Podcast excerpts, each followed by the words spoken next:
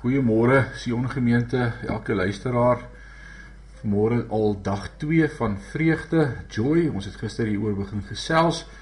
En ons het gister so vinnig oor die definisie van vreugde gesels en ons het die volgende slotsom by uitgekom dat vreugde is 'n posisie van die hart. Ook het ons van mekaar gesê dat vreugde ons sterkte is in die Here. Dit beteken dat sonder ons vreugde as vrug van die Gees ons swak is. Een definisie het vreugde beskryf as die emosie wat ons ervaar wanneer ons iets kry wat ons graag wou gehad het of deur iets goed wat met ons gebeur. Ek wil sê alhoewel dit waar is vir ons as mens, skiet hierdie definisie so ver kort. Want niks wat ekstern gebeur kan vir ons ewige geluk of dan vreugde gee nie. Dis alles net tydelik.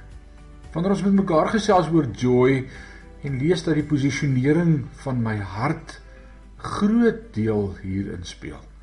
Dan kan ons nie anders as om te besef dat my hart en my verhouding met Jesus onafskeidbaar van mekaar staan nie.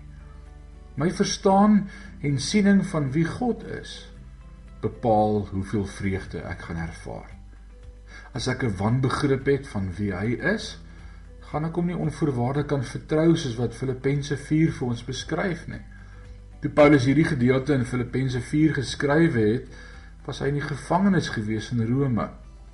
Hy praat met die gemeente in Filippi oor slegte ervarings en dreigende situasies. Byvoorbeeld in Filippense 2 vers 17 sê hy: "Selfs al word my bloed daarby as drankoffer uitgegiet, is ek daaroor bly. Ja, ek is saam met julle almal bly." Liewe vriend en vriendin, Wanneer ons ons alles vir Jesus gee, word hy ons Heer en koning. En dit beteken ek leef nie meer vir myself nie. Ek is nie meer my eie baas nie. Hoor wat sê Galasiërs 2 vers 20 in die Amplified wat dit so mooi sê, I have been crucified with Christ. In him I have shared his crucifixion. It is no longer I who live, but Christ, the Messiah, live in me.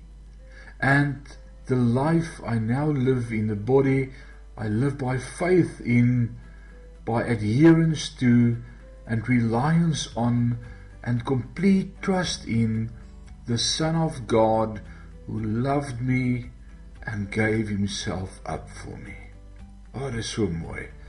So wanneer moeilike situasies my pad langs kom, moet ek sy hart daarin vertrou.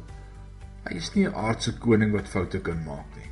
Hy weet presies wie ek is en wat ek nodig het.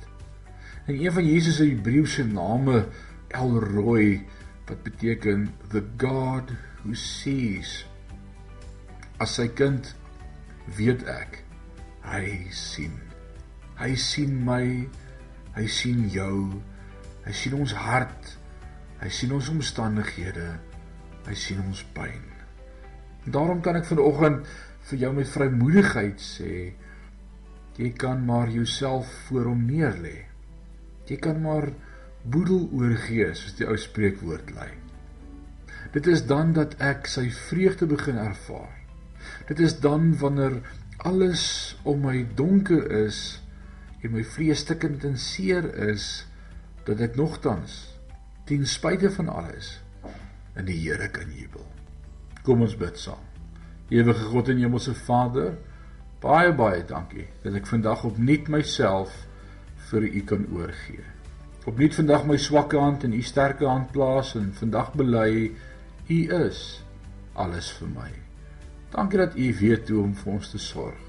Dankie dat U 'n hemelse Vader is, 'n goeie Vader wat omsien na elke behoefte na mate u grootheid en u rykdom van die genade.